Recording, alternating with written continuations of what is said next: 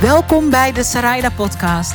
Dit is de plek waar je als ondernemende grootdromer naartoe komt om inspiratie, simpele tools en technieken te krijgen om met veel meer zelfvertrouwen zichtbaar te worden en te komen opdagen, niet alleen in je business, maar ook in je leven.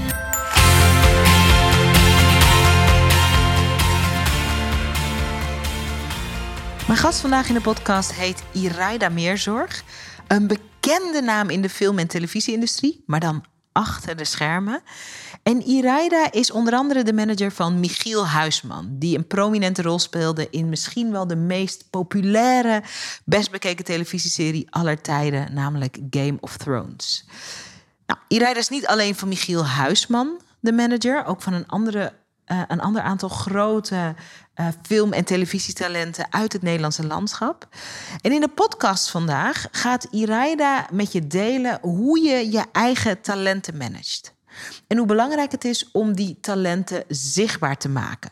Dus ook als je geen dromen hebt van Hollywood, uh, maar je gewoon naar deze podcast luistert omdat je een ondernemer bent die meer zichtbaar wil worden, met meer zelfvertrouwen zichtbaar wil worden en die nog krachtiger wil gaan staan in het managen van wat er zo uniek en bijzonder is aan jou en je business. Die talenten, die zijn er, die eigenschappen, die zijn er. Als je daar meer over wil weten en als je daar inspiratie in wil, dan is het een mooie podcast om te luisteren. Irijde vertelt onder andere in de podcast waarom ze zelf vrij recentelijk radicaal van gedachten is veranderd over haar eigen zichtbaarheid. En ze vertelt ons hoe je vanuit je talent of je business ook het platform kan creëren om een hele branche te hervormen. Daar is zij ook mee bezig. Ik vind het een heel inspirerend interview en ik wens je heel veel luisterplezier. Pak je pen en je en papier erbij, want uh, er komen een paar inzichten voorbij waar jij als ondernemer ontzettend veel mee kan gaan doen. Een van mijn geheime fantasietjes over mijn ondernemerschap is dat ik er heel soms van droom uh, om een managementbureau te hebben voor ondernemende toppers. En uh, dat komt omdat ik enerzijds heel veel um, ondernemerstalent zie, maar ook omdat ik zo'n respect heb voor het vak manager. Uh, toen ik bij de tv werkte, jaren terug, um, was dat ook altijd een soort ding. Heb je een manager? Heb je geen manager? En ik moet ook in alle eerlijkheid toegeven, hè, niets ten nadele van de mensen waarmee ik heb gewerkt, maar ik heb zeg maar mijn ideale manager match. Wat een beetje gelijk staat aan je droomman of je droomvrouw vinden. Heb ik tijdens mijn uh, tv-tijd nooit gevonden. En de gast die ik je ga voorstellen vandaag, die had het kunnen zijn. En net zoals dat gaat in Hollywoodfilms, zijn onze paden zijdelings een paar keer gekruist tijdens mijn tv-tijd. Maar we hebben elkaar nooit echt mogen ontmoeten. Tot ik jaren later als ondernemer deze podcast begon. Um, een paar maanden inmiddels terug uh, een geweldige acteur sprak. Mandela WW, die heb je misschien wel gehoord, die aflevering. Um, een van de hoofdrollen speelt hij in Mokromafia. En na de opname zei hij: Je zou mijn manager eigenlijk voor deze podcast moeten interviewen. Uh, ze heet Iraida, Meerzorg. En ze is eigenlijk ook de Oprah onder de managers. En ik dacht: Damn, ik dacht, hoe kan het dat er een Oprah is onder de managers en dat ik haar niet ken? En waar was zij toen ik bij de tv werkte? Ik ga je voorstellen aan haar. En waar ik met haar over ga praten. Hè, je bent misschien geen tv-ster als je dit luistert. Maar je bent wel een talentvol iemand. En hoe manage je je talent op zo'n manier dat je alles uit jezelf, uit je talent, maar ook uit de business die je rond je talent bouwt, haalt. Dat is de inspiratie die je vandaag in de podcast mee gaat krijgen. Ik heb ongelooflijk veel zin in het gesprek en om je aan haar voor te stellen. En ik weet dat je met ongelooflijk veel inzichten en nieuwe ideeën over wat er mogelijk is, gaat weglopen na deze podcast. Iraida, welkom. Ja, dankjewel. Waar was je al die tijd toen ik bij de tv werkte? Ja, ik zit al twintig jaar in het vak, maar ja, we hebben elkaar zijdelings wel voorbij zien komen. Ja. Zonder dat we wisten hoe en wat. Maar ja. Helaas. Nou ja, goed. Ja. Het is nooit te laat. Nee. Um, een van mijn stiekem intenties onder dit interview, anders dan natuurlijk, we gaan mensen inspireren. En ik vind het echt heel leuk om jou en je mooie verhaal.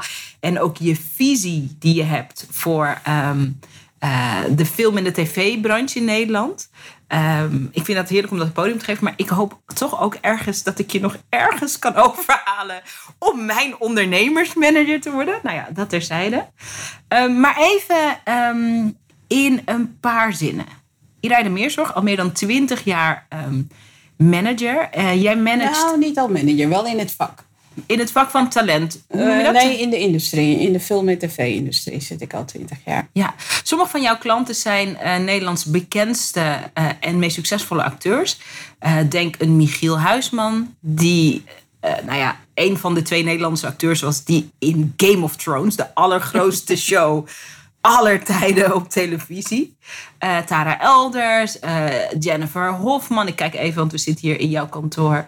Uh, naar jouw talentenmuur. Val me alsjeblieft bij. Uh, Mandela WW zei ik net al. Ja, Kees Geel, Mark Eeuwen, Ricky Kolen, uh, Manuska Segela, Breveld, Werner Kolf. Ja, 22 of inmiddels 23 ontzettende leuke, getalenteerde ja. acteurs. Ja, super cool. Hey, um, sommige talentmanagers, we gaan straks in op hoe je ooit begonnen bent in die branche. Ja onze paden zijn een keer bijna gekruist. Omdat ik was, uh, toen ik net begon bij de tv, in gesprek met een heel groot bureau. Ja. De Fame Game. Ja. Dat, dat is echt een gerenommeerde naam in, de, in die branche. Ja. En jij werkte daar, maar we hebben elkaar nooit gezien. Ik ben toen een paar keer daar op kantoor geweest. Maar we hebben elkaar gewoon nooit gezien. Nee, nee. Ik, ik zag je wel volgens mij een keer zitten in de kamer van mijn toenmalige werkgever. Toen moest ik naar de toilet en toen dacht ik, oh ja, grappig. Maar ja. En dat nou was het. Ja, maar dat lag niet in jou of zo per se. Maar ik, ik werkte al uh, bij een, het acteursagentschap. Ik had, uh, had twee agentschappen. één voor presentatoren en één voor acteurs. Ja. Ik kom ook uit een, uit een, een, gedeelte waarin we uit de makerskant. Dus ik heb gewoon iets meer met acteurs. Dus ik heb eigenlijk heel lang geprobeerd geen prestatoren te vertegenwoordigen. Nee, Dus, oké, dus als je je afvraagt, dus hoe kan het dat ze elkaar nooit ontmoeten? Ja. Omdat Iraide dat in de universe geblokt had. Is oké. uiteindelijk heb ik het wel gedaan, maar dat was echt nadat jij op gesprek was geweest. Ja. Dus denk ik een jaar later of zo. Ja, nou ja, je weet natuurlijk nooit waarom je elkaar in een latere fase van het leven en je ondernemerschap treft. Um, hoe ontdek je dat je als groot talent hebt, dat je andermans talent kan zien en kan helpen neerzetten en uitbouwen. Het is een heel specifiek talent, vind ik. Een heel waardevol talent. Uh, ook een onzelfzuchtig talent. En ik ben gewoon benieuwd wanneer je dat ontdekt van jezelf. En hoe. Wauw, wat een mooie vraag. Weet je dat nog? Was je altijd geïnteresseerd in die wereld? Of ben je er gewoon nou, ingerold? Hoe ging nee, dat? ik ben er eigenlijk gewoon ingerold. Want ik moet je heel eerlijk zeggen dat ik twintig jaar geleden niet bewust was. Ik word agent. Dus daar was ik niet mee bezig. Ik, ik werkte toen gewoon bij een uh, boekhoudprogramma bedrijf als office manager. Met alleen maar mannen. En dat was super leuk. Maar ik dacht, ja, ik wil een eigen kant op. Mhm. En het moet of met muziek te maken hebben. Want ik hou heel erg van muziek. Of met film. Mm. Interesting. En op die manier had ik twee vacatures erbij zien komen. Waarvan de een bij een, een, muzieklabel was. Waarin ze een tourmanager zochten. En dat leek me super interessant. Ik had alleen geen rijbewijs. Maar ik ging wel gewoon heel stoer op gesprek. En ik dacht als ik zeg dat ik ermee bezig ben, dan komt het wel goed. Mooi. En het kwam ook wel redelijk goed, maar in de tussentijd, ja, ze konden niet nog. Ja, wanneer heb je je rijbewijs? Ja, geen idee. Ik weet niet hoeveel les ik nog nodig heb. Maar toen zag ik ook een andere vacature als secretaresse. En dat boeide mij niet heel erg, maar het was wel bij een tv-filmproducent. Dus ik dacht, nou, dat toch. Ga gewoon solliciteren, wie weet.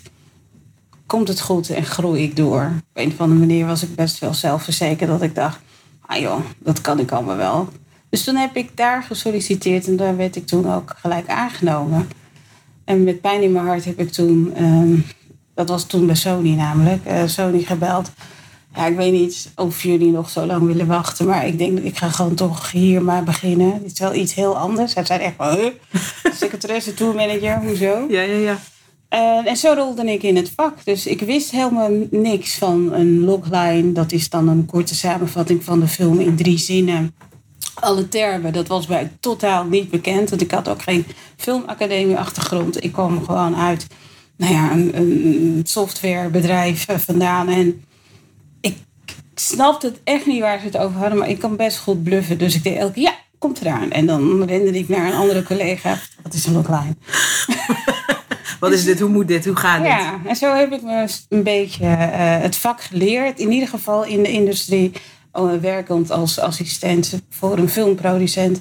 Om de termen in ieder geval te leren. En hoe maak je een film? Dat heb ik bijna negen jaar gedaan. En en ja, ik begon als secretaresse, maar het was natuurlijk al heel snel duidelijk dat ik niet echt de juiste persoon was voor koffie en thee inschenken. Nee, waar werd dat duidelijk uit? Je mag voor mij iets harder praten als je wilt. Ja, nog? Oh. Ja, dat mag. Ja. Waar werd het duidelijk uit? Omdat ik heb jou nu leren kennen. Ja. Uh, ik kan me rete goed indenken wat jij daarmee bedoelt. Maar er zijn natuurlijk mensen die, als je deze podcast luistert en je hoort voor het eerst van en over Iraida. Um, Waarom was het destijds zo duidelijk dat jij nooit alleen maar die secretaresse zou blijven? Of nou, die manager? Ik, ik, ik ben best wel dienstbaar, maar niet op die manier. Dus uh, ik, ik ben wel iemand die uh, niet heel graag aangestuurd wil worden.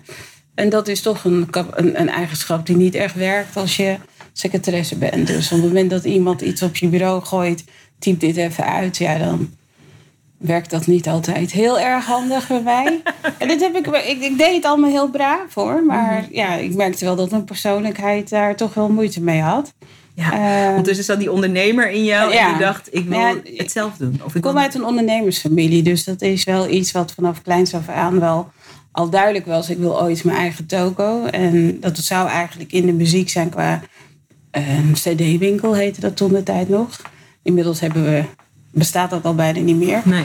En toen kwam internet en toen was, viel mijn droom in duigen. Omdat ik dacht, shit, wat moet ik nu gaan doen? Toen ging ik maar gewoon bij zo'n softwarebedrijf en uiteindelijk dan bij IDTV Film. En daar heb ik dan negen jaar gewerkt. Mm -hmm. En toen bereikte ik gegeven moment een punt. Want ja, ik groeide wel steeds door in het bedrijf. Mm -hmm. En toen dacht ik, ja, volgens mij uh, is dit het plafond. Er is meer. Ja. Wat ik mooi vind aan wat je omschrijft, en ik denk dat we daar zeker als vrouwelijke ondernemers, en natuurlijk ook mannen, maar meer vrouwelijke ondernemers, echt iets van kunnen leren, is um, dat je eerst ja zegt ja. en dan gaat uitzoeken hoe iets moet. Ja. En wat we zien, en er zijn ook allerlei onderzoeken die dat ondersteunen, is dat een van de dingen die vrouwen ook tegenhoudt om uh, te groeien, zowel in het bedrijfsleven als als ondernemer, is dat op het moment dat wij niet 95% of 99% zeker weten dat we iets kunnen, dat we dan voor de zekerheid, en ik generaliseer, dat geldt niet voor iedereen, nee. dat we dan voor de zekerheid nee zeggen, terwijl de uitnodiging is zeg ja. En figure it out on the job. Ja. Figure it out terwijl je die business bouwt ontdek het, onderzoek het, maar ga eerst lopen. Ja. Dat, um, wat moet je daarvoor kunnen of wat heb jij in je? Misschien is dat zelfvertrouwen, misschien is dat een bepaalde, misschien is het power, misschien is het ook een bepaalde naïviteit, weet ik niet. Maar wat heb jij in je dat je al vanaf uh, het begin zo opereerde? Hoe ben je daaraan gekomen? Dat uit je familie? Er ja. van in je karakter? Hoe werkt dat? Want ik denk dat we daar uh, allemaal iets van kunnen leren. Ik herken dat heel erg. Ja. Ik ben zelf ook heel erg die. Um, maar ik geloof ook dat je het kan ontwikkelen. Uh, ja, het heeft te maken met zelfvertrouwen. Maar dat, het, deels heeft het ook te maken met de eigenschappen. Wij zijn in onze familie best uh, uh, eigenwijs. we hebben ontzettend doorzettingsvermogen. maar ik kom ook uit een gezin waarin er altijd werd aangegeven van geloof in jezelf en vertrouw op jezelf. En als je ergens voor wil gaan, moet je ervoor gaan. Dus ik zag niet, ik zie heel veel dingen niet als een tegenslag.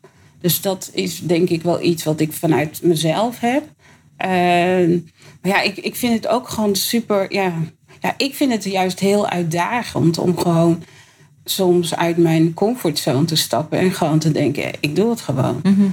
En maar, ja, ik heb dus ook eigenlijk nooit gesolliciteerd op.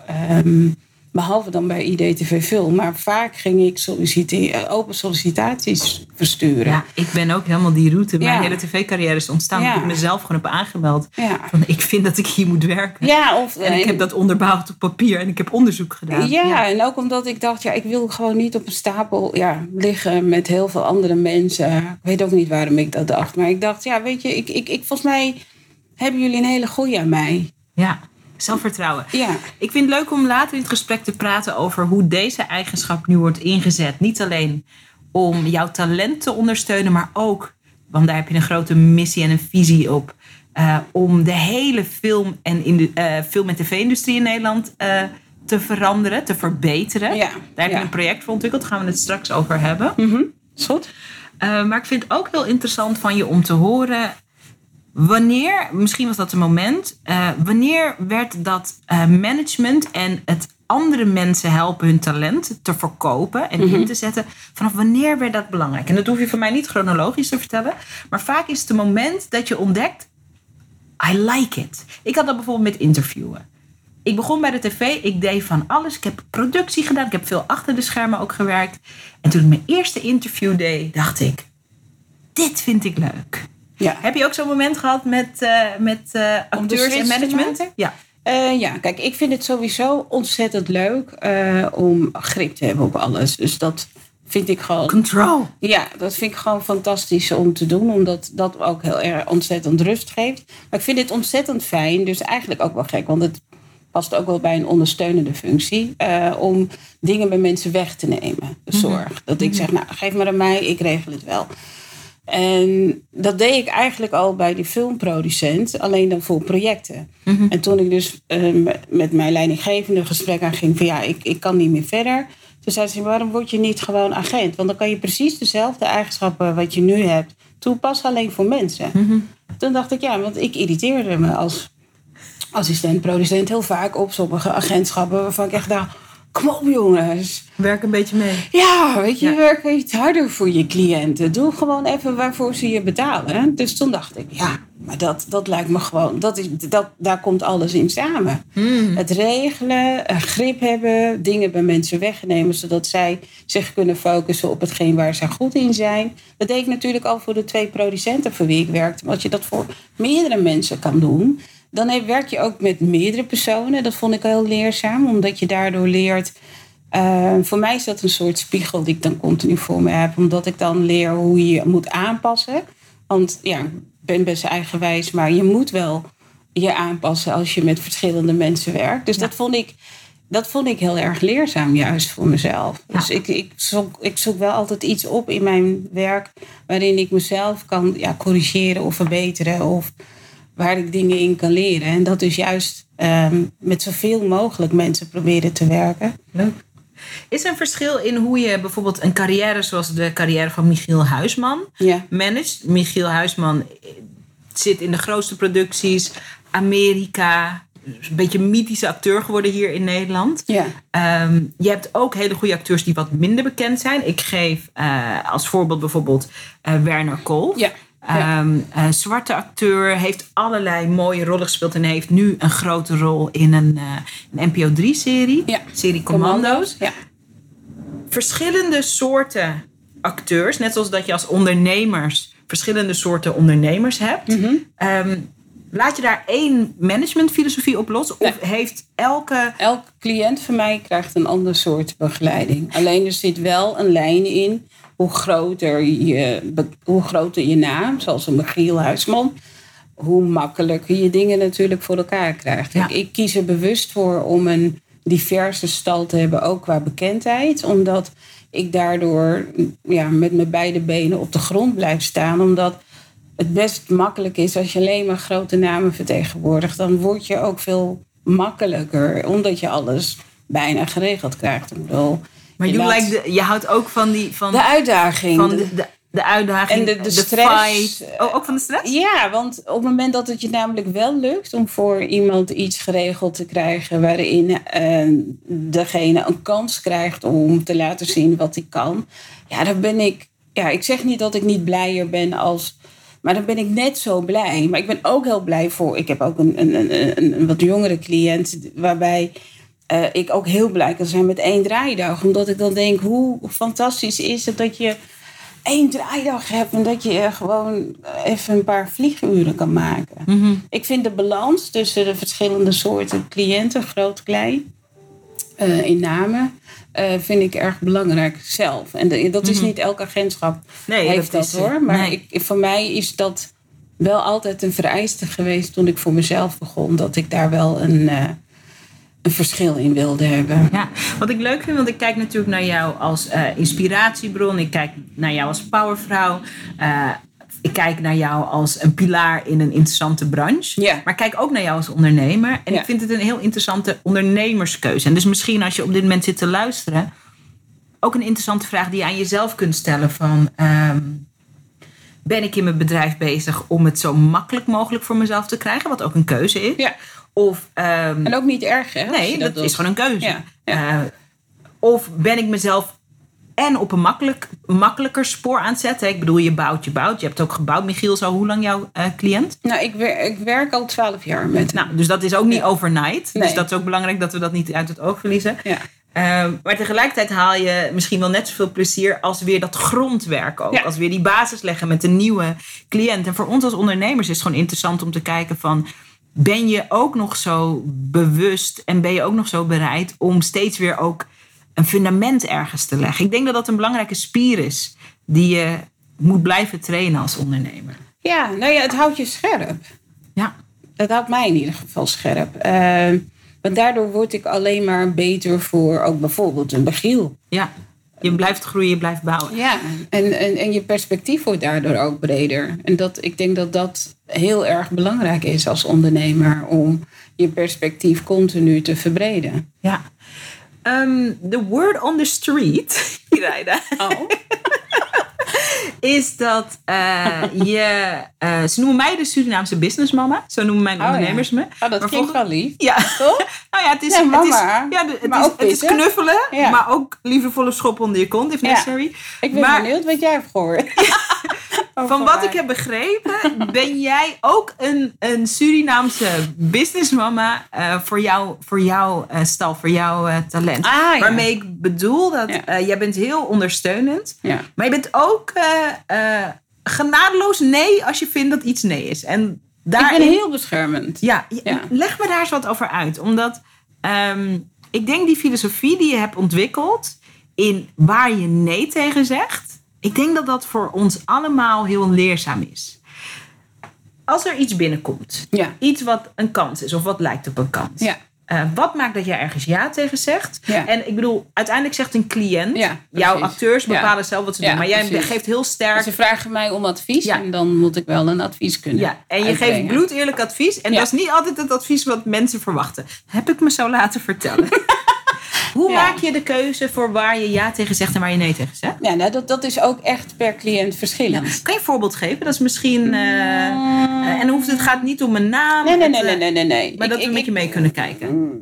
Wat- het is soms lastig omdat. ehm, nou, ik, ik, heb een, een, ik kreeg een script opgestuurd voor een, een cliënt van mij waarin zij de hoofdrol mocht spelen. Ehm, maar het was niet een rol waarvan ik echt dacht, nou, daarin laat je weer iets anders zien dan wat je eerder hebt laten zien. We hebben dit eigenlijk nu al een paar keer gehad. Laten we nu eens op zoek gaan naar iets anders. Ehm, en dat heb ik dus ook, ook, ook als, als advies uitgebracht naar haar. En toen heeft zij dus besloten om het niet te doen. Maar als ik het bijvoorbeeld voor een andere cliënt had gehad, die dus nog niet zoveel ervaring had gehad, dan hadden we het bijvoorbeeld wel gedaan. En- maar bijvoorbeeld ook een, een cliënt van mij werd gevraagd voor een klus, een commerciële klus, ehm, waar die heel veel geld mee zou kunnen verdienen. Ehm, maar het voelde gewoon niet goed, omdat het niet geloofwaardig was bij zijn naam of bij wa- waar hij achter stond of waar hij in geloofde. Ehm, dus ja, daarin, dat hebben we dus ook niet gedaan. Nee. Ik laat me niet leiden in geld, eh, maar ik laat me wel leiden in wat past bij degene, in wat de, degene wil uitdragen. En dat is soms best lastig, omdat je dus soms ad- adviseert om een paar ton eh, niet te accepteren als deal. Als acteur. En van acteurs net als met. eh, en daar zit denk ik wel een, eh, een overlap. Ehm, een acteur is eigenlijk ook een ondernemer Ja, met zijn ze kunst. zijn allemaal Ja, ondernemers, Dus, het, dus als je het even vertaalt naar de, naar de ondernemerswereld. Ja. Dit was gewoon een opdracht voor een paar ton. ja, En daar zeg je vanuit een principe ja, nee tegen. ja. Wordt dat altijd goed ontvangen, dit advies? Nou ja, eh, nee, nee, niet. Ik zit even te kijken van hebben we wel eens momenten gehad dat iemand. Nou ja, eh, eh, soms verrassen mensen mij ook wel. Hè. Ik heb ook wel eens momenten gehad dat ik dan.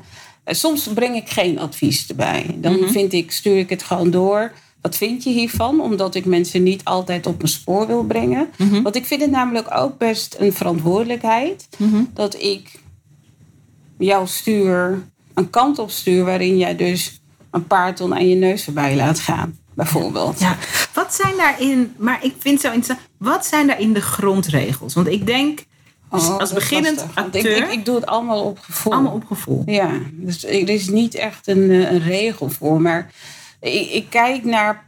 ehm, stel, jij bent een, eh, iemand die eh, uitdraagt voor. eh, ik, ik, vind duurzaamheid belangrijk. Ik vind het belangrijk dat de wereld groener wordt. En er komt een klus erbij waarin je eigenlijk al weet: nou, dit is zo een slechte Te- dienst eigenlijk. Tegenovergestelde van duur. ja, dus dat, waarom zou je dat doen? De enige reden dat je het dan doet is eigenlijk om het geld. En dat is bij mij, eh, als agentschap vind ik dat te weinig eigenlijk. Ik vind als je alleen maar dingen doet voor het geld, ehm, ja, dan moet je dat doen als je wel weet dat je zelf nog in de spiegel kan aankijken. Want Ik vind het niet erg als, als je dat doet. Ik bedoel, ik snap het ook. Maar denk er dan even over na. En als je de volgende dag nog steeds hetzelfde gevoel hebt. Fuck it, ik wil het gewoon doen. En fuck mijn hele imago.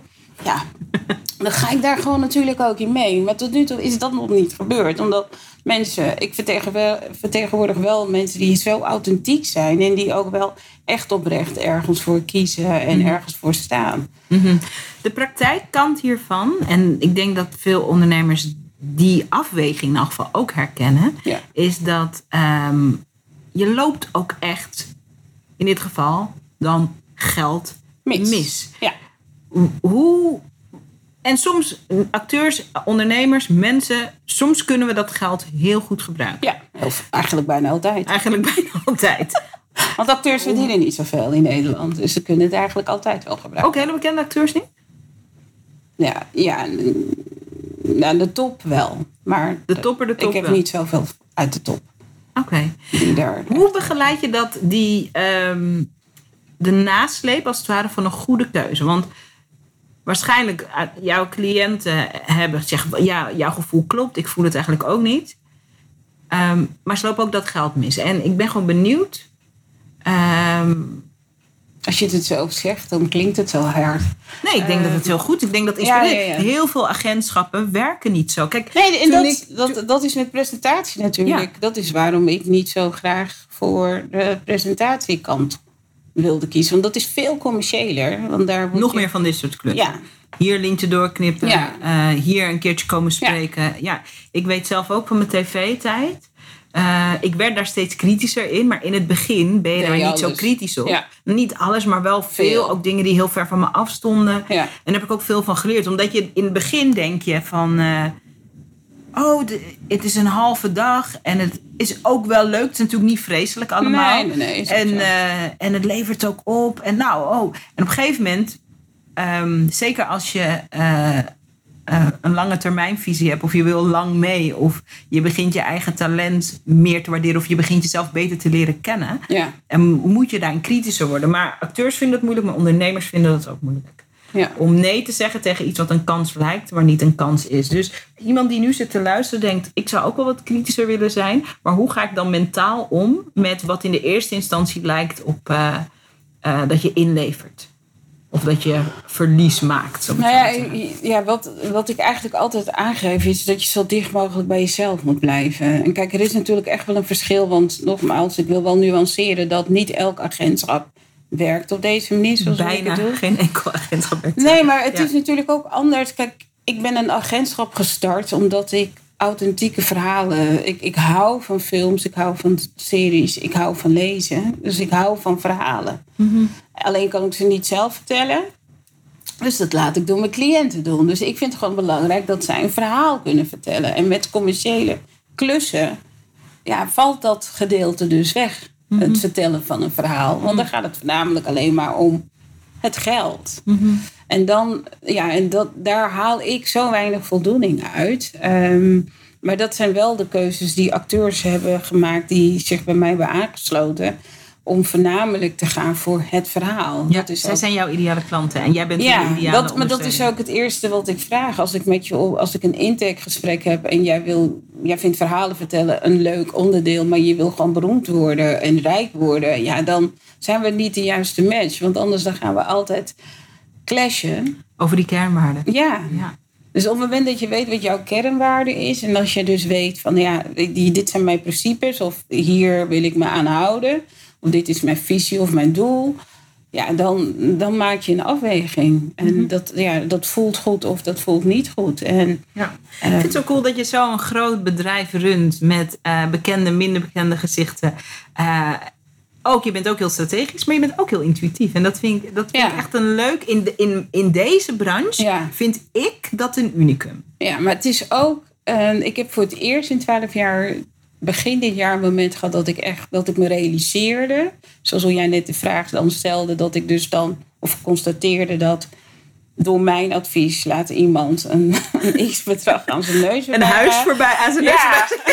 Voor drie ton kan je best ergens een huis kopen. Ja, nou ja, dat ik me dan voor het eerst wel echt realiseerde van... holy moly, wat een macht heb je dan. Of macht niet, maar wat een positie. Wat een invloed. Ja, dat Ja. vind ik, eh, dat vond ik best heftig. Dus toen, ik, ik heb begin dit jaar bijvoorbeeld een situatie gehad waarbij het, nou ja, het was een, een snabbel en nou ja, het paste eigenlijk niet. Of het paste überhaupt gewoon niet bij die cliënt. En, maar ja, we zaten allebei wel echt te stoeien van shit jongen, onze principes, waarom laten we, kunnen we dat niet loslaten? Mijn man, Can't we let it go? ja, en mijn man die zei ook echt van, denk nou gewoon aan het geld. En dat was nog voor corona. Hè? Ja, ja. Dus het was echt dat ik dacht, oh wat erg. En toen zei ik ook, weet je, het maakt niet uit wat je doet. Ik sta helemaal achter je. Denk er maar over na. Maar weet je, het, fuck it. Ik laat het gewoon gaan. Ik ga gewoon mee. Whatever, welke keuze je ook maakt. Ik volg jou. En toen belde degene mij de volgende dag en die zei echt, ja, ik, ik kan het gewoon niet. Je hebt me geïnfecteerd met integriteit. Why did you do Ja, it? ja. Irene, we gaan straks hebben over die invloed. Ehm, je ontdekt, ik vind het ook zo mooi, je zit nu in een proces waarin je eigenlijk ontdekt, eh, terwijl je dit werk al lang ook doet, Ja. eh, dat je invloed hebt. En die invloed ben je nu eh, aan het inzetten om een verandering Ja. te brengen. ja. Echt een globale verandering eh, eh, in onze Nederlandse film- en tv-industrie. Daarover straks meer. ja. Hoe komt het dat ik jou eigenlijk nu pas ontdek en dat het word of mouth moest gaan? Ik vraag dat omdat je hebt een hele lange tijd, en ik denk dat dat bewust was, was je heel weinig zichtbaar. ja. Leg uit. Eh, nou ja, eh, hoe stoer ik ook in het begin klonk met mijn zelfvertrouwen en dat ik ook heel goed weet dat ik wel wat te bieden heb, heb ik natuurlijk ook mijn onzekerheid. En dan denk ik ook, ik vind het ook wel fijn om in mijn comfortzone te zitten en mijn cliënten lekker naar buiten te laten gaan en dat ik lekker achter de schermen het allemaal voor ze regel en niemand ziet mij behalve mijn computer. Het voelt ook heel veilig en heel fijn. En dan, eh, ook op rode lopers, dan, nou ja, dan, eh, dan staan dan eh, de cliënten de pers te woord. En dan heb je een reeks aantal agenten die er dan tussen staan om te coördineren dat het allemaal wel soepel verloopt. Of als er een gekke vraag wordt gesteld, dat je het kan afbreken. En dat gaat in Nederland allemaal veel soepeler dan in Amerika. Is dat allemaal heel strak geregeld. Hier is het natuurlijk lekker Ja, beetje lucht. luchter en Ja. losjes. Maar ook daar dat zie ik mezelf heel vaak van bovenaf dat ik denk. Doe ik hier, weet je wel? Interessant lopen doen. Eh, ik probeer altijd zo min mogelijk in beeld van de camera. Ik vind het heerlijk om totaal achter de schermen te werken en te zijn. En dat is heel veilig. Maar dat zorgt wel dat heel veel mensen me daardoor niet kennen. Want er zijn heel veel agenten die er dus echt op uitgaan. En die ook echt... Ik ga ook naar voorstellingen, maar dan zit ik ook achterin. Een bepaalde bescheidenheid toch ook? Ja, dat zal het ook wel zijn. Ja, ik, ik, ja, ik vind het ook niet zo nodig om mezelf op de voorgrond eh, te duwen. En Maar, maar dat is het ook niet hoor, dat anderen dat doen. Maar zo voelt het soms voor mij. Dan zie ik ze soms heel druk op hun telefoon. Ik ben druk bezig, terwijl ik denk, ja, het is gewoon negen uur 's avonds. Ik weet niet hoor waar je nu druk mee bent, maar volgens mij is iedereen nu gewoon heel chill. Maar ja, ik weet niet. Het, het, het, het is, een, is een kant van mij die ik eh, pas de laatste maanden een beetje durf eh, te onderzoeken. Ja. Dus ja, ik, ben, ik heb ook mijn onzekere momenten. Ja, ja, ik vind het ook mooi dat je daarover wil en durft te delen. Ehm, nu is het zo dat eh, in die zichtbaarheid je ook stappen zet. Je bent natuurlijk hier te gast in de podcast. Ja. Eh, je bent op andere vlakken nu zichtbaarder aan het Ja. worden. Dat Ja. vind ik ook leuk. Deze podcast gaat ook over zichtbaarheid. Ja. Ehm, en dat doe je ehm, onderzoekend op je eigen manier in je eigen stijl, maar vanuit een grote missie. Ja. Kan je me vertellen hoe eh, die missie, die echt gaat over meer diversiteit brengen in de Nederlandse film- en tv-wereld, niet alleen eh, op acteursvlak, maar echt op makersvlak, op ehm, wat er achter de schermen gebeurt. Nou, het is nu, we nemen dit op ehm, in 2020. Dat is helemaal het jaar waarin eh, allerlei eh, belangrijke gesprekken worden gevoerd. Onder andere het gesprek van diversiteit en inclusiviteit. Ja. ja. Ehm, wanneer ontdekte je dat je voor deze missie niet veilig achter je laptop kon blijven zitten? en toch, ondanks dat je daar ook een bepaalde bescheidenheid in voelde, eh, dat, je, dat je toch ook eh, de barricade op mocht meer. Eh, nou ja, op mocht, ik moest maar de barricade Ja, op. ik wilde eigenlijk ik wilde zeggen moet, maar ik wilde ook geen druk zetten erop. Moest inderdaad. Nou ja, de noodzaak was natuurlijk dat er echt wel wat moet veranderen in onze industrie. En de realisatie dat we kunnen gaan wachten totdat het vanuit de industrie zelf gebeurt. Ja, dan wachten we denk ik nog 50 jaar, want we zijn al 50 jaar in gesprek. Voordat ik eh, ooit kwam. Eh, die gesprekken worden zo vaak al gevoerd. En er gebeurde niet eh, al te veel. Nee, en in de loop der tijd merkte ik wel ehm, dat ehm, als ik mensen sprak, dat ze onder de indruk waren van mijn positie. Ja. Dus En ook dat je van je positie, van je ervaring, ja, ook, niet enig, maar ook dat je een zwarte vrouw bent op die Ja. positie. ja. En En, allemaal dingen die. eh, ja, en dat, dat, dat men ook wel luisterde naar je daardoor. Eh, ook omdat ik eigenlijk ehm, in de loop der tijd... Ik was er altijd wel mee bezig, achter de schermen ook. en hoe Veilig dan? achter mijn computertje. Ja, hoe dan? Hoe ben je Tijdens als besprekingen aangeven van jongens... mag eh, meer kleur, kan deze rol ook worden Maar dan was je vaak de enige, omdat je altijd de enige bent aan tafel van kleur in elke meeting. Ehm, in scripts, als ik scripts voorbij kreeg, in rollen, aanvragen, castingsaanvragen. Dan, ik heb bijvoorbeeld bij Werner Kolf heb ik, ehm, had ik een strategie bepaald van wij gaan alleen maar voor bijrollen en voor hoofdrollen. Dus alles wat stereotyperend is, zeggen we af. Maar dat betekent dus wel dat je dus geen werk hebt. Hij had daardoor een tijd geen werk. Ja, want dat soort rollen kwamen natuurlijk in de meeste gevallen gewoon voorbij. En voor mensen die eh, hem nog niet zo goed op het netvlies hebben, als je zegt stereotype rol voor Werner Kolf en voor iemand die lijkt op Werner Kolf, hebben we het dan over, oh hij speelt een speelt dan uitsmijter, een, ja, hij speelt of een, een, een eh, beveiliger. Nou ja, of, nou, in de meeste gevallen gaat het dan om een crimineel. Dat je dan dus dan niet eh, een serie als Mokromafia waar het gaat over criminaliteit, maar gewoon een random serie. En dan is er één crimineel nodig Ja. en dan eh, Ja, of je bent eh, de partner van een actrice en eh, er zit totaal geen inhoud achter jouw personage en je hebt drie zinnen. ehm, en daar moet je het dan mee doen. Er is dus weinig ehm, diepgang in een rol eh, of inhoud. En ja, in dit geval, Werner is heel groot, heel gespierd. Dus die kreeg dan sneller dat soort rollen voorbij.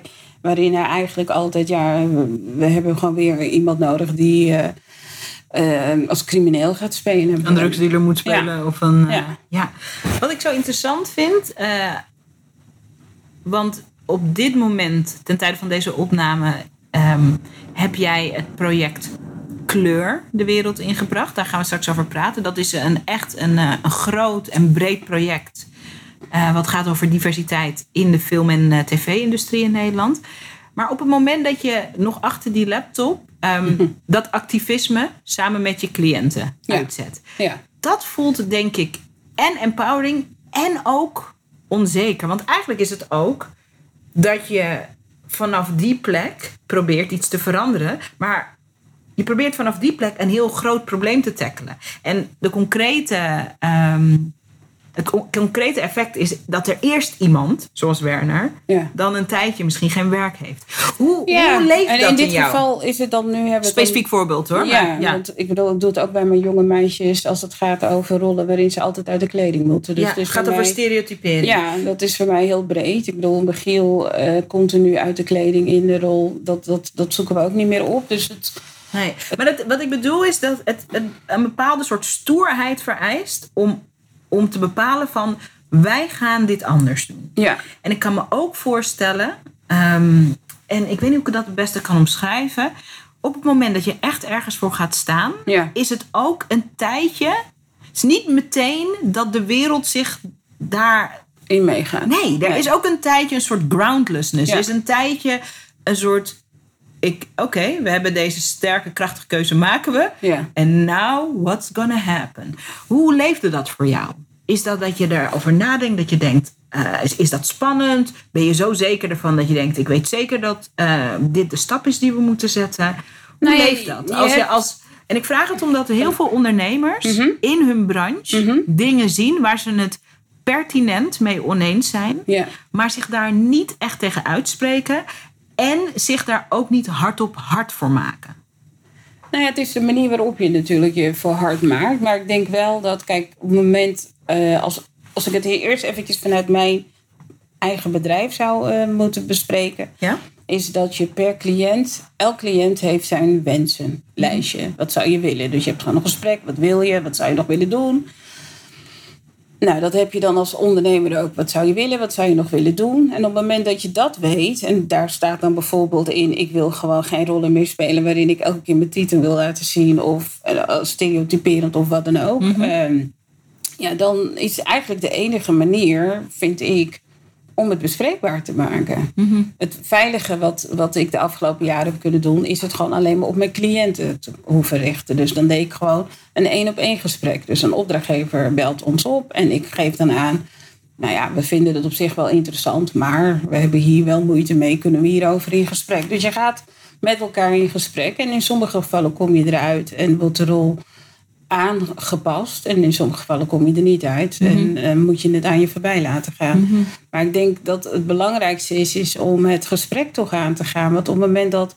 Natuurlijk is het lastig, hè. Want in het begin... ehm, ehm, kijk, ik heb de eerste jaren heb ik namelijk, ging ik niet het gesprek aan. Dus ik weet wat de andere kant is als je dus niet het gesprek aangaat. En dan weten mensen dus ook niet wat je nodig hebt.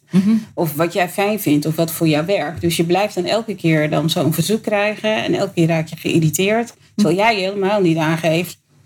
Ik wil dit eigenlijk gewoon niet. Dus eigenlijk moest je daar ook samen met je cliënten eerst zichtbaarder in worden. Ja. Zichtbaarder van dit willen we, Ja. dit willen we niet. Dit zijn onze grenzen. Ja. Interesting. Ja. En vanaf daar, eh, En het is natuurlijk heeft ook wel te maken een kwestie van durven. Maar dat, Zeker. daarom zeg ik, in het begin deed ik het ook niet.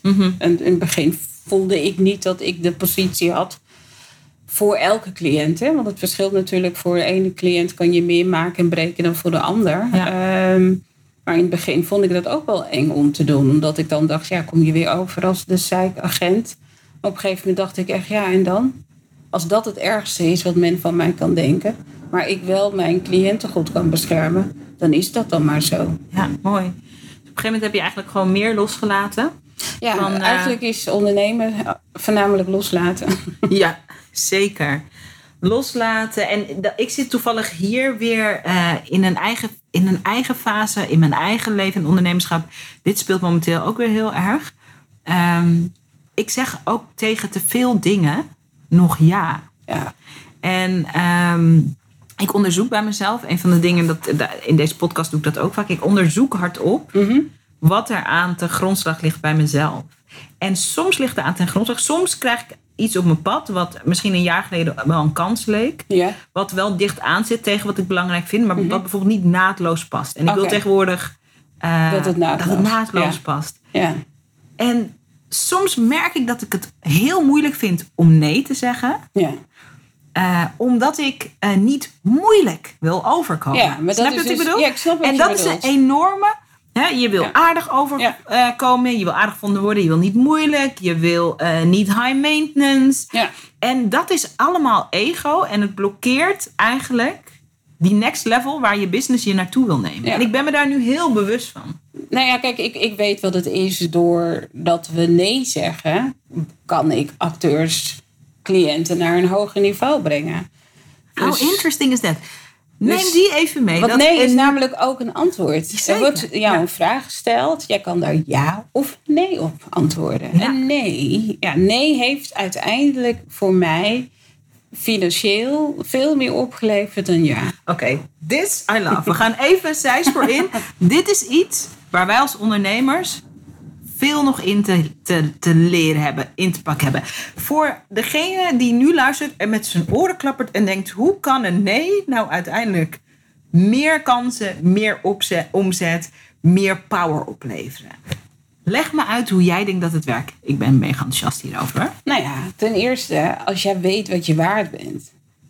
En je krijgt een voorstel die dus niet voldoet aan wat je waard bent. Ja, dan. het begint eigenlijk met. Weet wat je waard bent. Als jij vindt dat dit een waardevol voorstel is. En dat het, dat het voor jou schikt, schikt eh, of past of wat dan ook. Dan moet je. En, en het, het, het is ook helemaal naad, het sluit naadloos aan op wat jij wil gaan doen. Ja. Ga ervoor. Ja. Maar als dat niet zo is, als je weet wat je. Als, op het moment dat je weet wat je waard bent, zeg je namelijk gewoon geen nee uit arrogantie of omdat je moeilijk doet. Nee, ze betalen gewoon niet genoeg. Of het, het project is niet voldoende genoeg. Ja. Het is, het is niet. eh, ja, als jij een schoen koopt en je vindt het een hele mooie schoen, maar hij is te duur, koop je hem ook niet. Nee. Omdat je Dus- vindt dat het niet waard is. Er zit een bepaalde zakelijkheid ook in. En je wordt ook aantrekkelijker van een krachtige nee die komt uit je kernwaarden. Nee, ik ga dit niet doen, want. En soms je hoeft het niet eens altijd uit te leggen. Het is ook iets energetisch. Gelukkig mogen we af en toe. Het is goed dat je ook al zegt dat je het niet hoeft uit te leggen. Want Nee. ook die behoefte hebben mensen heel vaak. Ja, ja, nee, maar nee. Gewoon nee. Nee, dit ga ik niet doen. En ik denk als je... En het is een fase hoor. In het begin ben je misschien met je ondernemerschap... dat je, omdat je veel dingen moet leren... dan probeer je van alles. En je moet nog zoeken hè, naar En je wat, zoekt naar wat past ja. en zo. Maar het is heel goed om op een gegeven moment, zoals Marie Forleo, Amerikaanse ondernemer, dat zo mooi noemt. To buy your ticket to the no train. Soms moet je gewoon nee zeggen. Je, want als je nee zegt tegen, tegen iets wat zeg maar een 6 is of een 6,5, maak je ook een ruim, maak je de ruimte ook voor een 9. Waar Ja. je vervolgens, of een 10, waar je ja tegen kan zeggen. Ik vind dit zo interessant. Ik zit hier ook weer helemaal in. En het is een goed teken als er meer nee's op je pad komen. Of als er meer dingen op je pad komen waar je nee tegen zegt. Want dat betekent ook dat je groeit. Het is ook goed, Je klein krijgt- zijspoor nog. Ja? Nou, nou ja, je krijgt, zeg maar, als ik het in mijn eh, business moet zien, je krijgt betere dingen op je pad. ja. Wat mooi hè, dat een nee je kan brengen naar meer kwalitatieve ja. Ja. ja. Weet je waar het ook in werkt? Heel andere kant op. Eh, weet je wanneer ik de allerleukste klanten begon aan te trekken in mijn business? Nee? Toen ik besloot dat wij ook klanten mogen ontslaan.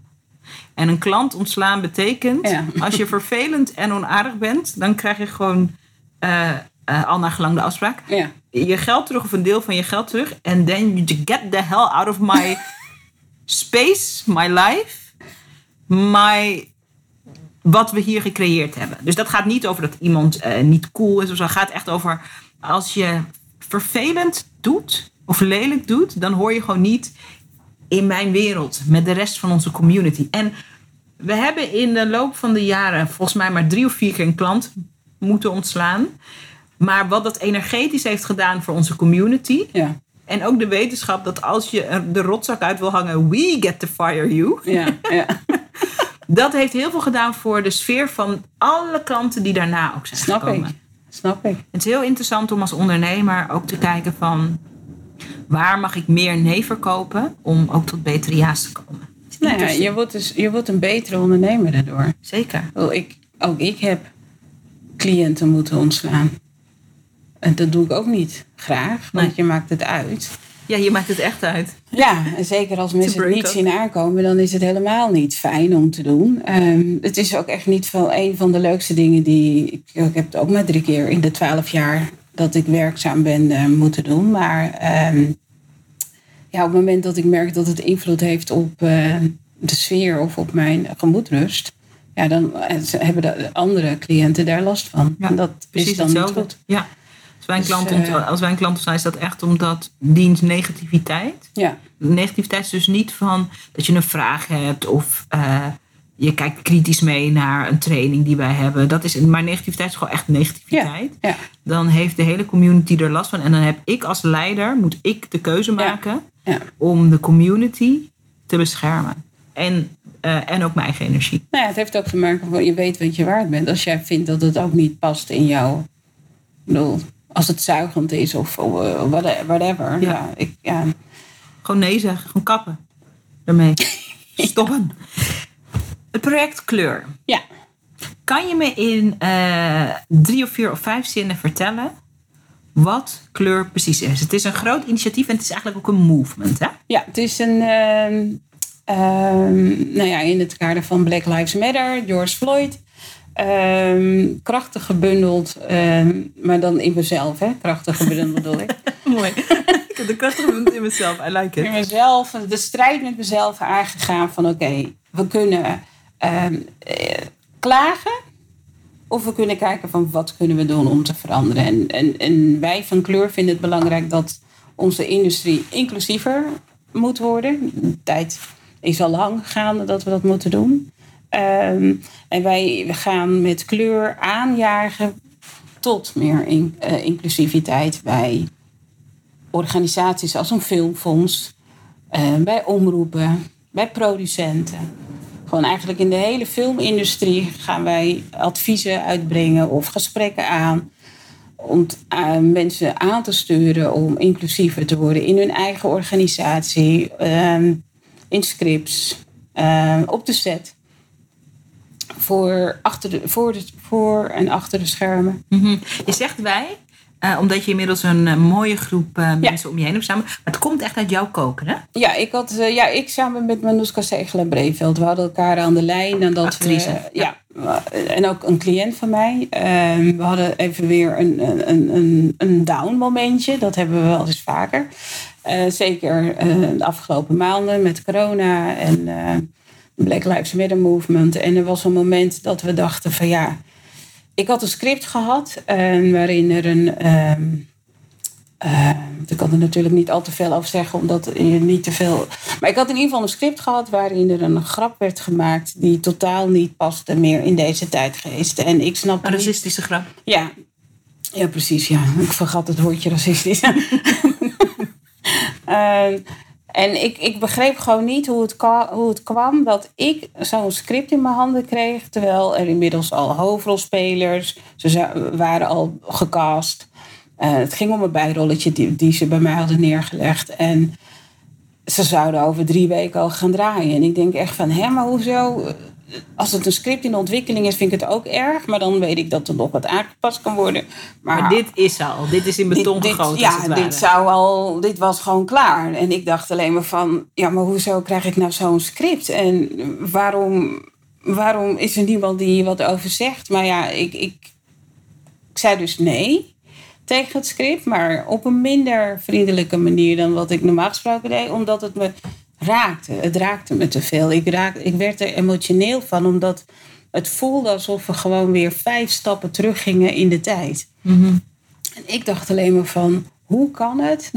Wat kunnen we doen om te voorkomen dat ik nooit meer zo'n script voorbij zie komen? Maar dat ik ook niet als één pionnetje in de industrie maar hier druk over moet gaan maken. Want uiteindelijk is het script wel aangepast, nadat ik dus stennis heb lopen schoppen. Ehm, maar dat kan ik niet voor elk script doen. Is ook niet mijn taak. Nee. Maar ik vind het ook gewoon jammer dat niet meer mensen bewust zijn hiervan. Om, kijk, iedereen heeft gewoon blinde vlekken. En dat kan ik, dat, dat geloof, dat heb ik ook zelf. Maar wat kunnen we doen om te voorkomen dat we niet meer tegen dit soort zaken aanlopen? Ja. Hoe kan het beter? Ja. En hoe kan het meer eh, congruent aan wat in deze tijd belangrijker is dan ooit? ja.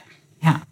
Ik dacht, ik ga het niet meer in mijn eentje van achter die laptop doen. Nee, dus toen Manouska gesproken en toen dachten we echt van weet je, we gaan nog één keer na alle jaren dat we al gesprekken zijn aangegaan en diverse panels hebben gezeten en diverse werkgroepen zijn opgezet. Gaan Ja. laten we nog één keer kijken wat we kunnen doen. Ja. Voordat je erin duikt van wat zijn je gaan doen. Ik vind dit eigenlijk ook heel belangrijk wat je zegt. Omdat ehm, voor sommige mensen is dit een nieuwe discussie. Ja. Eh, de discussie eh, over eh, ehm, inclusiviteit, de discussie over diversiteit, de discussie over racisme op de werkvloer. Maar het is ook heel belangrijk, afhankelijk van wanneer je dit luistert en wat jouw eigen ervaringen zijn ermee. Mhm. Dat je dus weet, je noemde het eerder al grappig, al 50 jaar Ja. zijn er gesprekken over meer inclusiviteit. Met weinig effect. En nu dacht je, oké, nog één keer en we gaan het goed doen. Je hebt een plan geschreven Ja. ehm, met een duidelijke intentie. Mhm. Is het een plan waar je bijvoorbeeld ook eh, aanstuurt op quota? Ja. Het is een plan waar quota, dus het is ook meetbaar op die manier geworden. Ja. Ehm, en dat heb je eigenlijk, dat plan, ehm, als een soort bom met goeds in die branche gedropt. Ja. Wat ontstaat er dan als je zegt van ik heb mensen om me heen verzameld. eh, we gaan naar de kern toe van die eh, industrie. De voorkant, de achterkant, op elk niveau gaan we nu praten. Bommetje gedropt. Wat gebeurt er dan zoal? Jij bent daarmee in één klap in jouw industrie ook zichtbaar geworden. Ja. Iets waarvan je vroeger dacht, I don't know.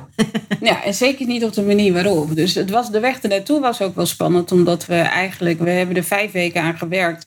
Eh, om, nou, het is niet echt een plan, maar het is meer, eh, we hebben tien doelen eh, geformuleerd. Waar elke discipline in onze industrie wat mee kan. Om dat te verwerken, implementeren in hun discipline. En het zijn Het is eigenlijk een soort, ehm, het is eigenlijk een soort manual van Ja. dit is hoe we het gaan aanpakken. Ja, ja. Ja. Ehm, En jij hebt dat gedropt, jullie. Ja. Maar jij bent wel echt ook een duidelijke afzender daarvan. nou ja, we hebben het. eh, want we Wie zijn, zijn we? Als je Ja, zegt, precies. Man- Manoushka en jij? Ja, we, inmiddels we hebben Asjar Medina, de schrijver onder andere van Mokro Mafia, erbij eh, gevraagd. Ook omdat eh, we merkten, kijk, wij kunnen met z'n tweeën, ik als agent, zij als actrice, weten we veel over de industrie. Maar als we echt het willen hebben over diversiteit, dan moeten we ook in onze initiatief diversiteit hebben. Dus ook mensen van verschillende disciplines. Dus Asjar Medina is scenarist. Eh, we hebben Emma Onrust. Zij is een agent, maar een witte agent hebben we erbij gevraagd. Want zij vertegenwoordigt heel veel regisseurs en scenaristen. En, weet dus, en ik voornamelijk acteurs. Dus zij weet meer waar zij tegenaan lopen. Eh, we hebben Sascha Gertsik, zij is dramaturg. Dus zij zit heel erg op de inhoud eh, van, eh, van, scenari- eh, van scenario's. Maar heeft ook bij omroepen gewerkt. En inmiddels hebben we ook Bobby Boermans, dat is een regisseur. Dus we zijn met, eh, met z'n zessen hebben we ehm, samen diverse ideeën bedacht. En maar we hebben ook gesprekken, we zijn ook gesprekken aangegaan met producenten en met het filmfestival en met mensen van de omroep. En uiteindelijk hebben we dat dus eh, verstuurd, niet, van- niet uit mijn naam, maar vanuit kleur. Ja. We hebben inmiddels gewoon een websiteje en we hebben kleur gelanceerd. En ehm, Wordt Ja. heel goed op gereageerd. ja, Er dat, gebeurt van eh, alles mee. Maar wat ontdek jij over jezelf? Want nu, eh, het is niet alleen vanuit jou. Het komt wel uit jouw koker. Ja, Ehm, maar dat pad waar we het eerder over hadden, die, deze missie vraagt van jou een ander beleid Ja. met, op je zichtbaarheid Ja. dan je voorheen bewandelde. Wat ontdek je over jezelf nu je ehm, van achter de schermen, achter je laptop op het toneel treedt met een grote missie die voor jou heel belangrijk is? Ehm, nou ja, dat, dat ik niet begreep waar ik zo bang voor was. Ja? Dat vind Ja. ik heerlijk om te horen. Ja, ja, want ik vond het. Ik, dat, natuurlijk, en nog steeds vind ik het eng hoor. Maar dat is meer om wat het eventueel teweeg kan brengen. En inmiddels is het omarmd in zoverre dat we meer dan 600 ondertekenaars hebben die kleur ondersteunen. Maar de weken daarvoor hebben wij wel af en toe momenten gehad dat we dachten: holy shit, jongen, we worden straks van de industrie uitgetrapt. Omdat we eventjes eh, de boel gaan eh wakker schudden. Hmm, interesting. Eh, Maar ik denk wat je hier aanraakt is zo een kern van wat de aard is van zichtbaarheid. Hè? En wat de angst ook is die iedereen Ja. op een manier onder zijn zichtbaarheid voelt. Zichtbaar zijn is kopje boven het maaiveld uitsteken. En de angst die erbij hoort is misschien wordt mijn kop eraf gehakt. ja, wat gaan mensen ervan vinden? Wat gaan mensen ervan vinden? Eh, raak ik cliënten kwijt? Er Ja. ging van alles door mijn hoofd. Ja, ik had gisteren nog zo'n moment. Straks, straks hebben we het over. Maar hoe ga je daarmee om? Want ik denk dat dat voor onze Uh, luisteraars... huilen in een hoekje. Oh. Met een fles whisky. Onder andere ook. Ja. ja. Dus ook echt, ik vind het ook heel fijn. Ja. want je bent echt, jij bent echt een powerhouse. Maar ik vind het heel fijn om dit te horen ja. ook.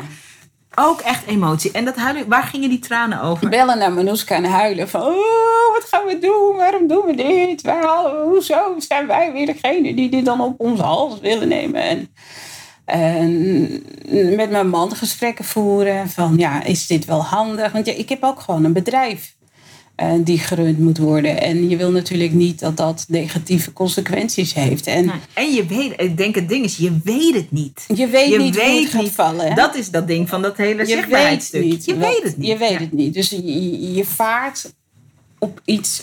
En Op vertrouwen. Ja, En je kijkt maar. ja. En, en maar elke keer eh, als ik dan gesprekken voerde met mensen, ook met cliënten van mij, dat ik dan vertelde waar ik mee bezig was, merkte ik wel, ik merkte de verandering. De gesprekken werden anders.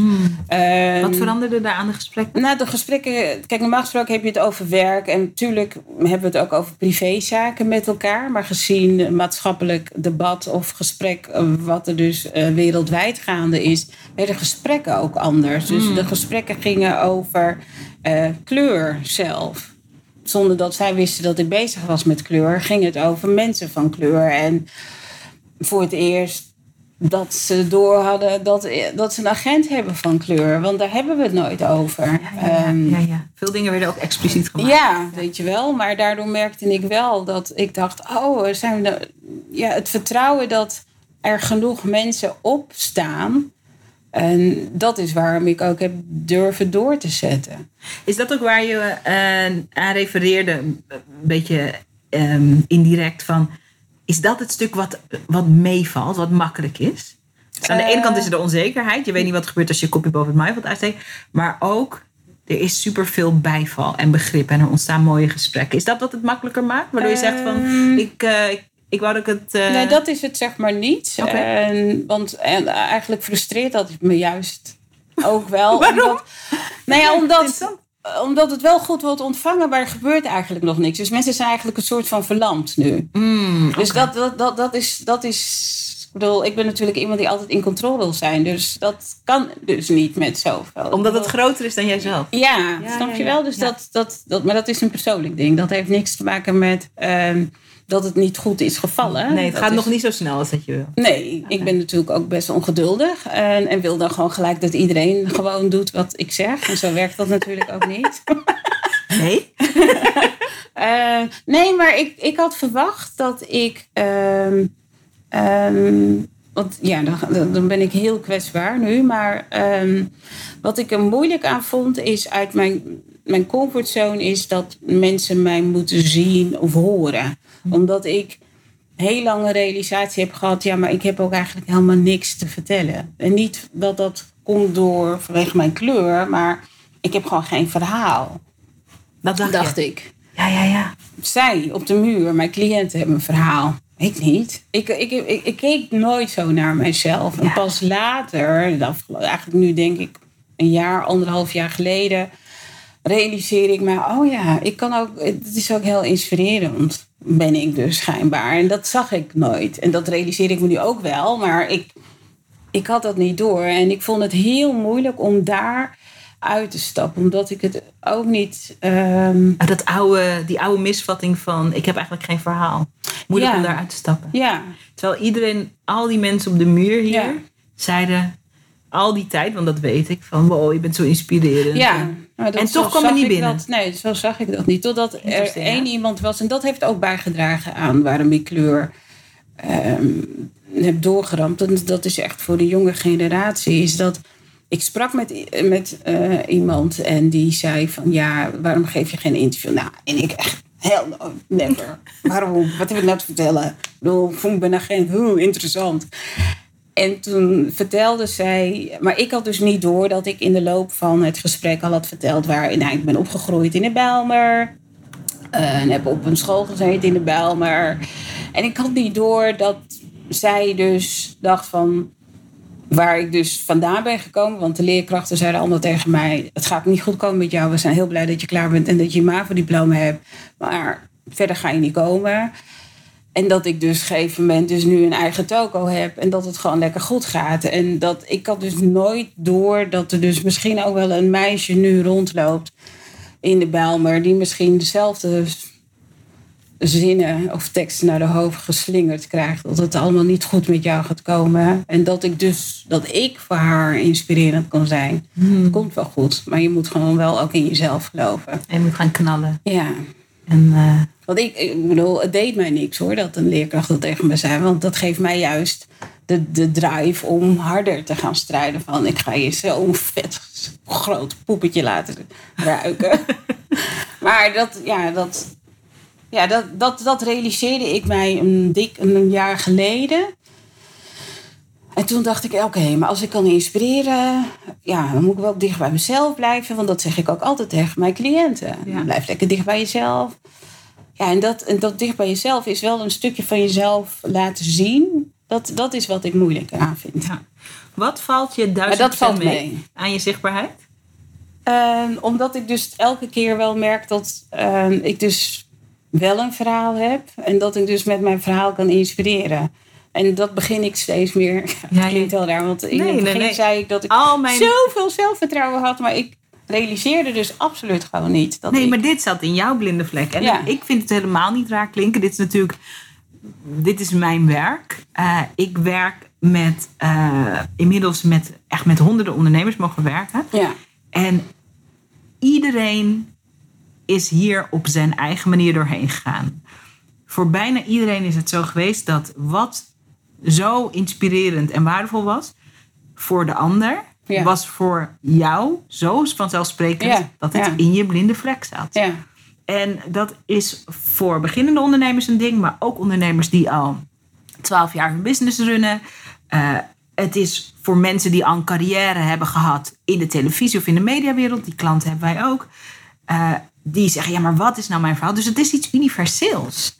Van dat je dat dus niet zo goed ziet bij jezelf. gek is dat hè? Ja, Want ik zie het wel bij mijn cliënten. ja dat is je mega En, daar, en daarom is het heel raar dat ik dat dus bij mezelf nooit heb gezien. Maar dat is omdat ik mezelf een positie heb gegeven om altijd de cliënten voor te duwen. En het is niet dat ik nu zeg, gaan jullie nu maar even lekker naar achteren. Nee. Ik ga- Maar je komt ook naar voren gestapt. Ja, Ja. Heb je een eh, advies of een tip of een inzicht voor ondernemers die nu aan het luisteren zijn en die niet een stal vol bekende acteurs hebben, maar die zich bijvoorbeeld verschuilen achter hun product of achter hun bedrijf, wat hetzelfde mechanisme is? Of het gaat om het boek dat ik heb geschreven. Het gaat niet om mij. Het gaat om mijn coaching. Het gaat niet om Ja. mij. Heb je een tip om eh, ook uit die misvatting te stappen? Zo van, natuurlijk, het product is belangrijk, wat je doet is belangrijk. Ja. Maar wie jij bent terwijl je doet wat je doet. En hoe je doet wat Ja. je doet. En waarom je doet wat je doet. Is net zo inspirerend als het product of als de dienst. probeer het, echt. Gewoon proberen, gewoon gaan. Gewoon gaan. Ja. Want het enige wat je, wat je kan gebeuren is dat je kaart op je bek valt. Maar ja, daar sta je ook weer op. Ja, En, en dan, weet je, en, en, en dan nog, je valt niet keihard op je Nee. bek. Want je hebt gewoon een verhaal. ja. iedereen heeft ja, een verhaal. iedereen heeft gewoon een verhaal. En al kan je maar één persoon inspireren met jouw verhaal. Ja, dat, ik, ja, ik had totaal niet door dat dat zoveel teweeg zou brengen. En ja, ik ben natuurlijk ook moeder. Of tenminste, dat is niet ook, maar ik ben ook moeder. En ja, je dochter? probeert een role model te zijn voor, Ja, je, voor je dochter. En nou ja, het- dat ik dan hiermee bezig was en dat zij dan op een gegeven moment op een avond naar mij toe kwam en dan zei: Mam, ik ben. Ik vind het zo stoer dat je dit gewoon doet. Ik vind het helemaal niet erg dat je avonden hiermee bezig bent. Want normaal gesproken, als ik het soms wat drukker heb, dan loopt ze te piepen. En nu had ze zoiets. Want dit was zo belangrijk. Ik vind het echt heel tof. En ja, toen dacht ik ook echt, ja, maar gaan. Super mooi. Want wat heb ik nou, ja, waarom zou je zo in je comfortzone willen blijven zitten? Want je groeit ook. En de, en, en de groei die je maakt, of, mee, of ondervindt, of, ja, dat, dat is ook heel fijn. Ja. Als persoon, als mens. De verrijking. Ja, ik, ja, ik, mooi, ik, hè? ik heb geen spijt ervan, hè? want ik denk dat het moment er nu gewoon voor was om het te doen. Ja. En het is pas het begin. Ja, de tone of voice is dan ook nog goed, weet je wel. Want, ehm, want zeker als je het hebt over racisme, discriminatie, is de tone of voice best belangrijk. Hoe je een gesprek uh, gaande wil houden en brengen. En als ik dus nu, ik ben nu zichtbaar naar buiten getreden met wel een ongemakkelijk onderwerp. Mhm, mhm, mhm. maar ja, ik, ja, ik, ja het, het valt me reuze mee, omdat ik ehm, telefoontjes of mailtjes heb gehad van mensen die ik helemaal niet ken uit de industrie. Die daar zo blij mee waren dat we, ervoor, dat we dit voor hen doen. Ja, dat, dat, dat, dat doet voor mij veel meer dan. Drie ton voor een of andere kutklus. Ja, ja omdat ja, ik zou willen dat. Um, ja, ik doe dit voor de jonge generatie. En ik zou willen dat, um, dat ik iemand zou hebben gehad. Uh, die dat pad. Uh, ja, en dat, er zijn genoeg mensen voor ons geweest tuurlijk, die echt uh, heel veel ook echt wel voor elkaar hebben gekregen. Maar um, nou ja, dat we dit voor een hele groep weer mogen doen. Ja. Waar kunnen we meer lezen over kleur? Uh, we hebben een website inmiddels binnen een uurtje uh, gemaakt, maar wel heel professioneel. Ehm, want de aanvragen zijn interessant en enorm qua reacties. Waar mogen we naartoe? www.kleurinfilm.nl www.kleurinfilm.nl en tv.nl. Fantastisch. En als mensen die op dit moment luisteren en uh, dromen hebben om een uh, bekend acteur of actrice te worden, die dicht bij hem of haarzelf blijft, um, wat is, uh, waar kunnen we je vinden als agent? www.meerzorgtalents.nl Iraida, ik vond het echt een fantastisch gesprek. Zaraida en Iraida in gesprek over echt wezenlijke dingen. Ik heb er weer heel veel van geleerd. Nou, ik ben ook blij. Ik ben ook, en jij hebt mij ook bewogen om uh, ook op mijn manier bij te dragen aan uh, het kleurinitiatief. Dus dat vind ik heel leuk. Daar ga je nog meer over voorbij zien komen, onder andere op Instagram. Dus uh, volg mij en volg Meerzorg Talents ook op Instagram. En jij bedankt, echt. Maar dank voor dit gesprek, echt zo cool. Ik heb, we gaan nog heel veel van je horen, dat weet ik. En ik voel ook dat we nog heel veel samen gaan doen. Ja, ik kijk er enorm naar uit. Echt zo cool. Ik vind, het, ik vind het te gek dat ik je heb ontmoet. Stom, hè? Maar het moet, moet een keer gaan, Ja, maar we moeten een keer gaan eten met z'n drieën. Met, uh, met Mandela er ook bij. Hij is, hij is die spirit matchmaker. Mandela, als je dit luistert, dank je wel. Ja, ik had er wel gelijk nadat ik jou had gesproken ook al een berichtje gestuurd. Wat is ze leuk? En dan zei hij, ik wist ook wel dat jullie elkaar leuk zouden vinden. Zie je, als je dit luistert en je twijfelde überhaupt nog over of je een podcast moet beginnen, begin een podcast. Because magical people will cross your path. Hey, ik wil je bedanken voor het luisteren. Um, ik denk dat dit zo'n aflevering is die je misschien wel twee keer luistert. Dus dat je hem nog een keertje opnieuw luistert. Omdat er zoveel mooie inzichten zijn over hoe we als managers van ons eigen talent, maar ook als ondernemers, um, die passie die we hebben. Uh, voor ons werk en door dicht bij onszelf te blijven, hoe we verandering kunnen brengen. Dat is waar mijn, uh, wat mij betreft uh, deze aflevering over gaat. Ik wil je twee korte dingen vragen. 1. Kom hooi zeggen op Instagram. Uh, Zarayda Groenert, als je bij mij hooi wil zeggen. Uh, ga ook uh, Meerzorg Talents op Instagram volgen. Dan kan je ook wat meer zien over de acteurs waar Iraida het over had. En kijk ook even op de website van Kleur. Nog één keer www.kleurinfilm.tv.nl Hartstikke leuk om daar even naar te kijken. Dus dat is één. En twee, als je inzicht hebt gehaald uit deze aflevering... Neem dan even twee minuten van je kostbare tijd en schrijf een review op iTunes. Bloed eerlijk. Um, het is fantastisch als je vijf sterren wil geven, maar als uh, je een andere rating wil geven, gewoon hoe jij het ziet en hoe je het voelt. Hoe meer bloedeerlijke reviews we hebben op iTunes, hoe makkelijker deze podcast te vinden is. En hoe makkelijker deze podcast te vinden is, hoe meer het mooie, belangrijke, inspirerende werk van ondernemers als Iraida um, zichtbaar kan zijn. Dus help mij door gewoon bloed eerlijk te zeggen wat je vindt en voelt bij deze podcast, om uh, onze gasten uh, en deze podcast zichtbaarder te krijgen. Als je dat voor me wil doen, heel erg graag. Ik dank je voor het luisteren en ik hoor en niet zie je, maar je weet wel, spiritually, I see you bij de volgende aflevering van de Zrijda Podcast.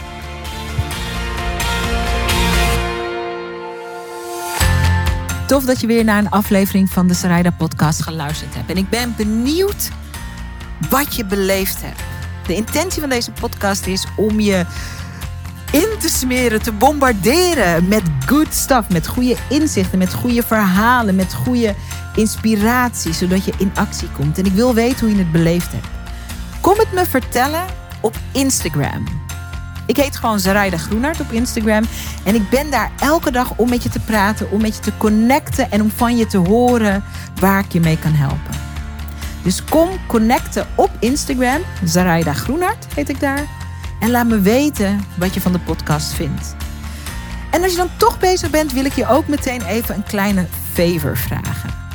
Want om deze podcast bij miljoenen ondernemers bekend te laten worden, zodat we heel veel mensen kunnen inspireren en helpen. Want dat is natuurlijk mijn bescheiden intentie van deze podcast. Heb ik je nodig. Je zou me ontzettend helpen door een bloedeerlijke review op iTunes achter te laten over wat je van deze podcast vindt en of je er iets aan inspiratie uithaalt. Hoe meer reviews we hebben, goed of slechte reviews, maakt me ook bijna niet uit eerlijk gezegd, hoe meer mensen de podcast kunnen vinden. En ik ben nieuwsgierig naar wat we voor jou kunnen betekenen met de podcast. Dus als je een minuutje over hebt, zou ik het heel tof vinden als je je bloedeerlijke mening over deze podcast achterlaat op iTunes. Ik bedank je, ik bedank je, ik bedank je. En ik spreek je hopelijk snel op Instagram of ik hoor je bij een volgende podcast. Dankjewel.